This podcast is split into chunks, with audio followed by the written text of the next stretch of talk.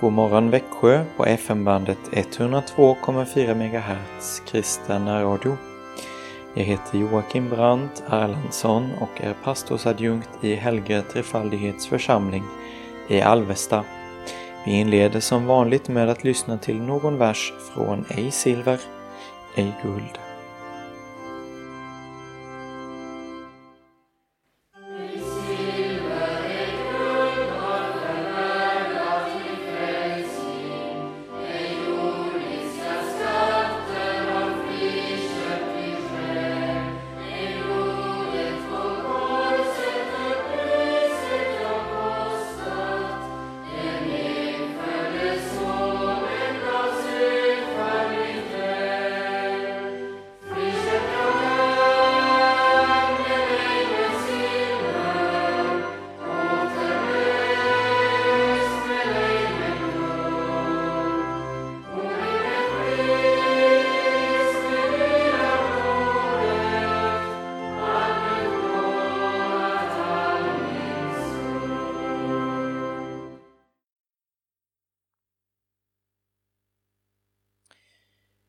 Gå och tala om för Jesus allt vad som dig trycker här. Tala om din nöd, din smärta. Säg hur ond och död du är. Allt vad du för ingen annan uppenbara vill och kan. Tryggt till honom kan du säga Ingen dig förstår som han. Gå och tala om för Jesus allt vad som dig trycker här.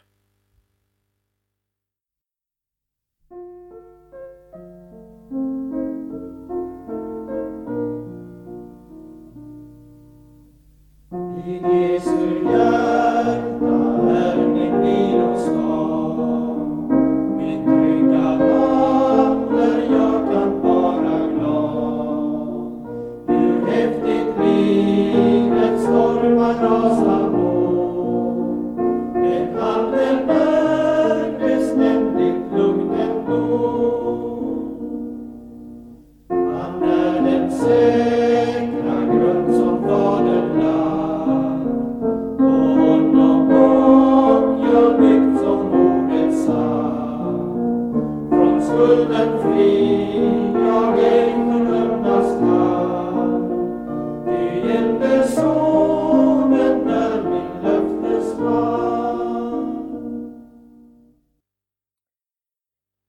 ni inte att av alla löparna som springer på en tävlingsbana är det bara en som får priset?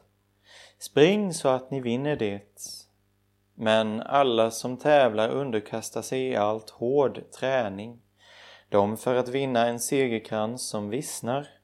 Vi för att vinna en som aldrig vissnar. Jag löper alltså inte utan att ha målet i sikte. Jag boxas inte likt en som slår i tomma luften. Istället slår jag min kropp och tvingar den till lydnad för att jag inte själv på något sätt ska komma till korta vid provet när jag predikar för andra. Bröder, jag vill att ni ska veta att alla våra fäder var under molnskyn och att alla gick genom havet. Alla blev i molnskyn och i havet döpta till Mose alla åt samma andliga mat, alla drack samma andliga dryck. De drack ur en andlig klippa som följde dem, och den klippan var Kristus. Men de flesta av dem hade Gud inte behag till. De föll och låg kringspridda i öknen. Det som hände dem har blivit ett varnande exempel för oss, för att inte vi liksom de ska ha begär till det onda. Bli inte heller avgudadyrkare som en del av dem. Det står ju skrivet Folket satte sig ner för att äta och dricka och steg upp för att dansa. Låt oss inte heller begå otukt som en del av dem gjorde och därför föll 23 000 på en enda dag. Och låt oss inte fresta Kristus som en del av dem gjorde, de dödades av ormar. Knota inte heller så som en del av dem gjorde, de dödades av fördärvaren. Det som hände dem tjänar som exempel och skrevs ner för att varna oss som har världens slut in på oss. Därför ska den som menar sig stå se till att han inte faller. Ingen annan frestelse har drabbat er än vad människor får möta. Gud är trofast. Han ska inte tillåta att ni frestas över er förmåga, utan när frestelsen kommer ska han också bereda en utväg så att ni kan härda ut. Gå och tala om för Jesus striderna i hjärtats hus, hur det skiftar om där inne, en är mörker, en är ljus. Säg hur Satan vill fördärva Guds plantering i din själ, hur han åter vill dig fånga till att bliva syndens träl. Gå och tala om för Jesus striderna i hjärtats hus.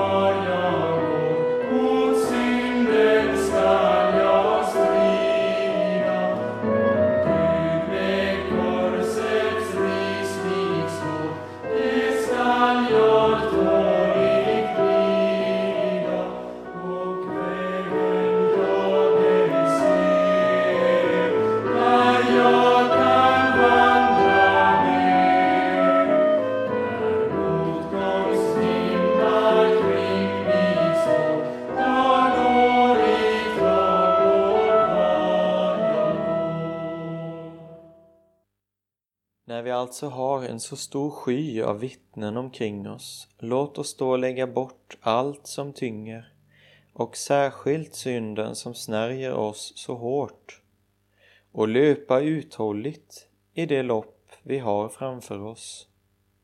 Och låt oss ha blicken fäst vid Jesus, trons upphovsman och fullkomnare, som för den glädje som låg framför honom utstod korsets lidande utan att bry sig om skammen och som nu sitter på högra sidan om Guds tron. Tänk på honom som måste uthärda sådan fiendskap från syndare, annars tröttnar ni och tappar modet. Ännu har ni inte gjort motstånd ända till blods i er kamp mot synden.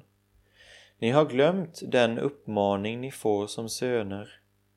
Min son, förakta inte Herrens tuktan och tappa inte modet när du tuktas av honom.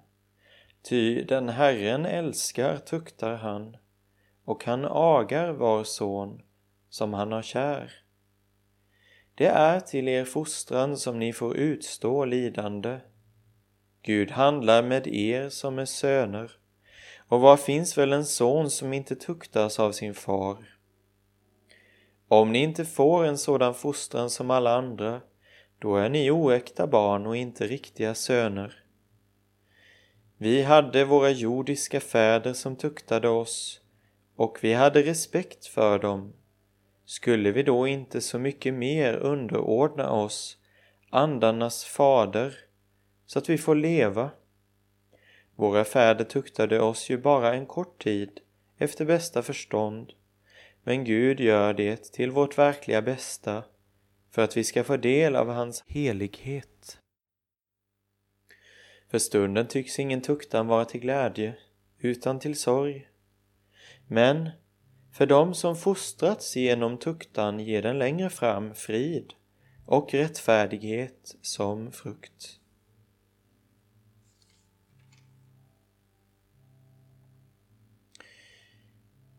Gå och tala om för Jesus att så liten tro du har. Då det mörknar, då det stormar och du korsets tyngd erfar.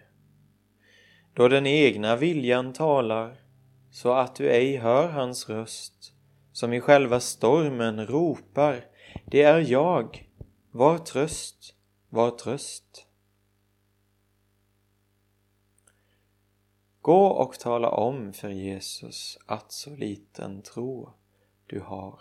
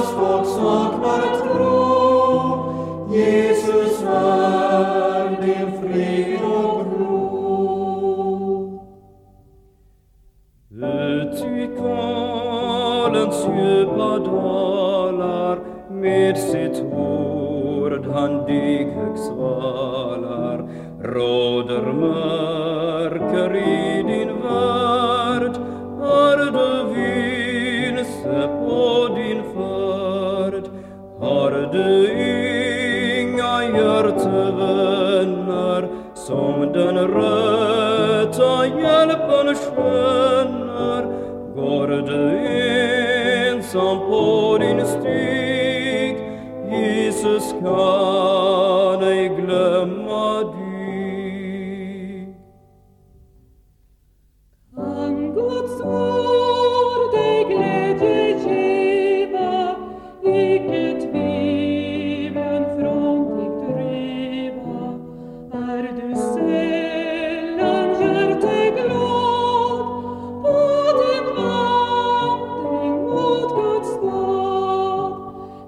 me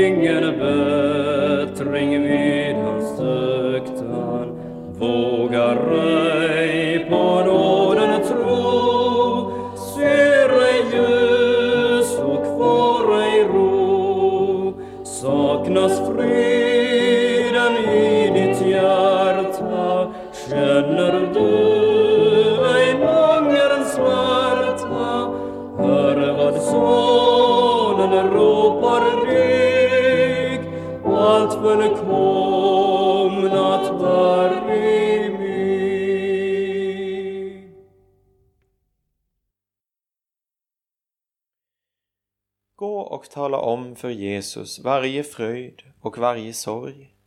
Vila ut invid hans hjärta, ty där är en säker borg. Säg hur trött du är av vägen, att du längtar hem till Gud. Ty i mörka främlingslandet inte trivas kan hans brud.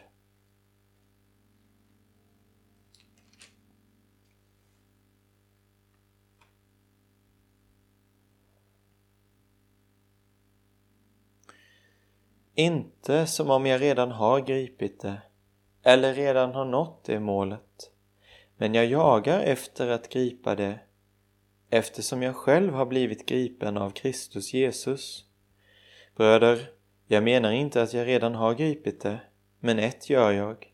Jag glömmer det som ligger bakom och sträcker mig mot det som ligger framför och jagar mot målet för att vinna segerpriset, Guds kallelse till himlen i Kristus Jesus.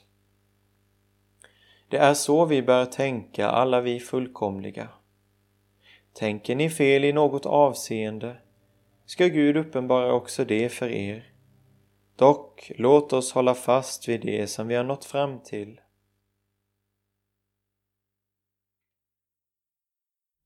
Vänd mot frälsaren mitt öga, andlig väntar från mitt öga. Snart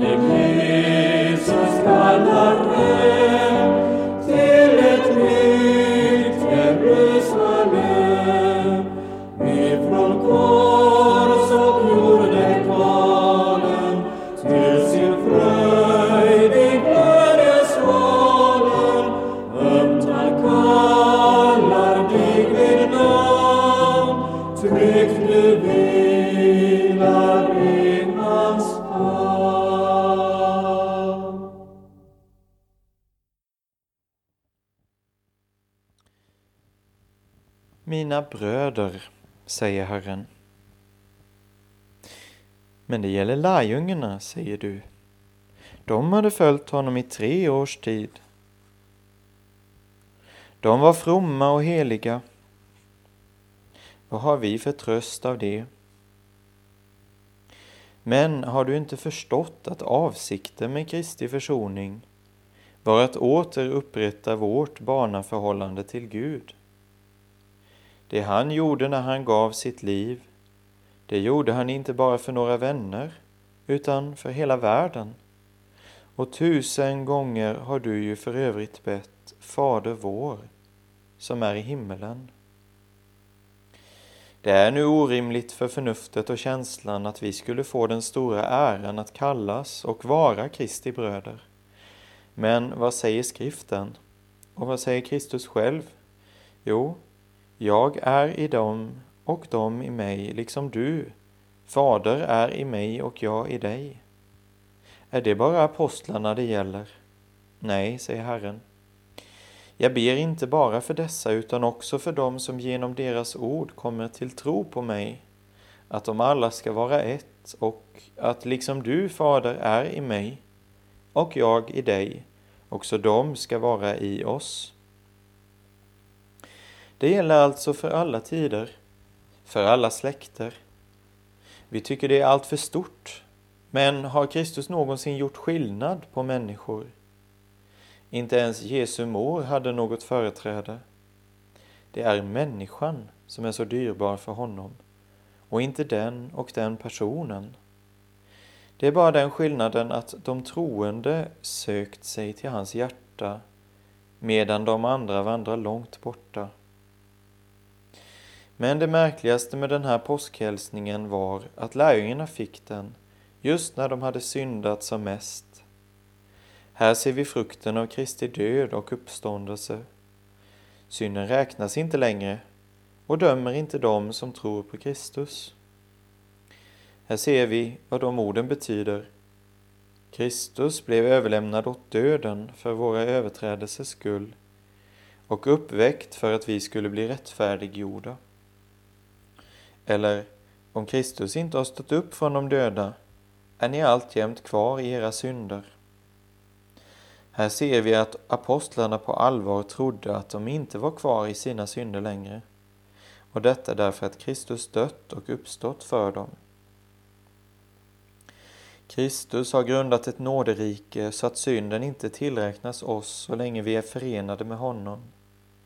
Visserligen blir vi tuktade, men nåden och barnaförhållandet rubbas inte så länge vi i allt vårt elände håller oss till Kristus. Huvudsumman av hela evangeliet är att Kristi blod renar oss från alla synder Det kan vi kanske tro så länge livet har sin gilla gång.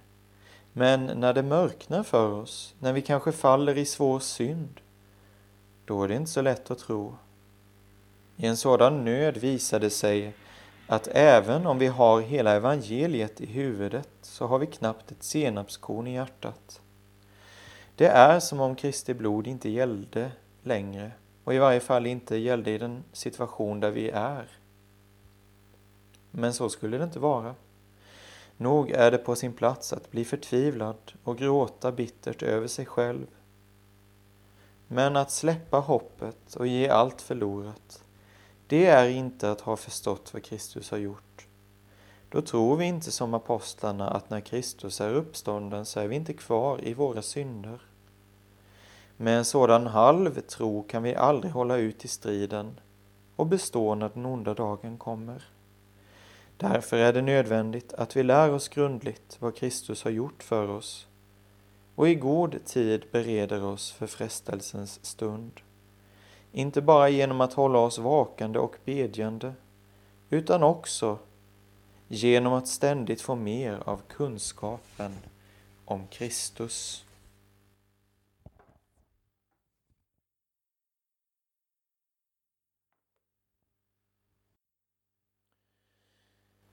Vi tror på Gud Fader allsmäktig, himmelens och jordens skapare.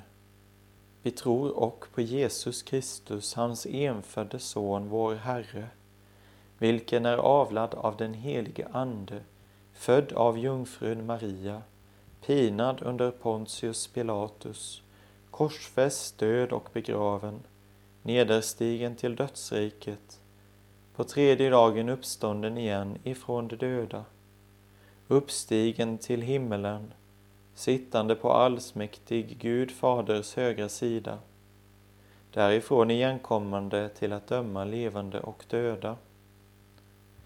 Vi tror och på den heliga Ande, en helig allmännelig kyrka, det heliga samfund, syndernas förlåtelse, kroppens uppståndelse och ett evigt liv. Fader vår som är i himmelen. Helgat var det ditt namn. Tillkommer ditt rike. Ske din vilja så som i himmelen, så och på jorden. Vårt dagliga bröd giv oss idag och förlåt oss våra skulder, så som och vi förlåter dem oss skyldiga är. Och inled oss inte i frestelse, utan fräls oss ifrån ondo. Ty riket är ditt och makten och härligheten i evighet. Amen. Ta emot Herrens välsignelse. Herren välsigne dig och bevara dig. Herren låter sitt ansikte lysa över dig och vara dig nådig. Herren vände sitt ansikte till dig och give dig frid. I Faderns och Sonens och den helige Andes namn. Amen. Den bok jag läste ur ikväll hette Vägledning till frid av Karl Olof Rosenius. Guds frid i Jesus Kristus.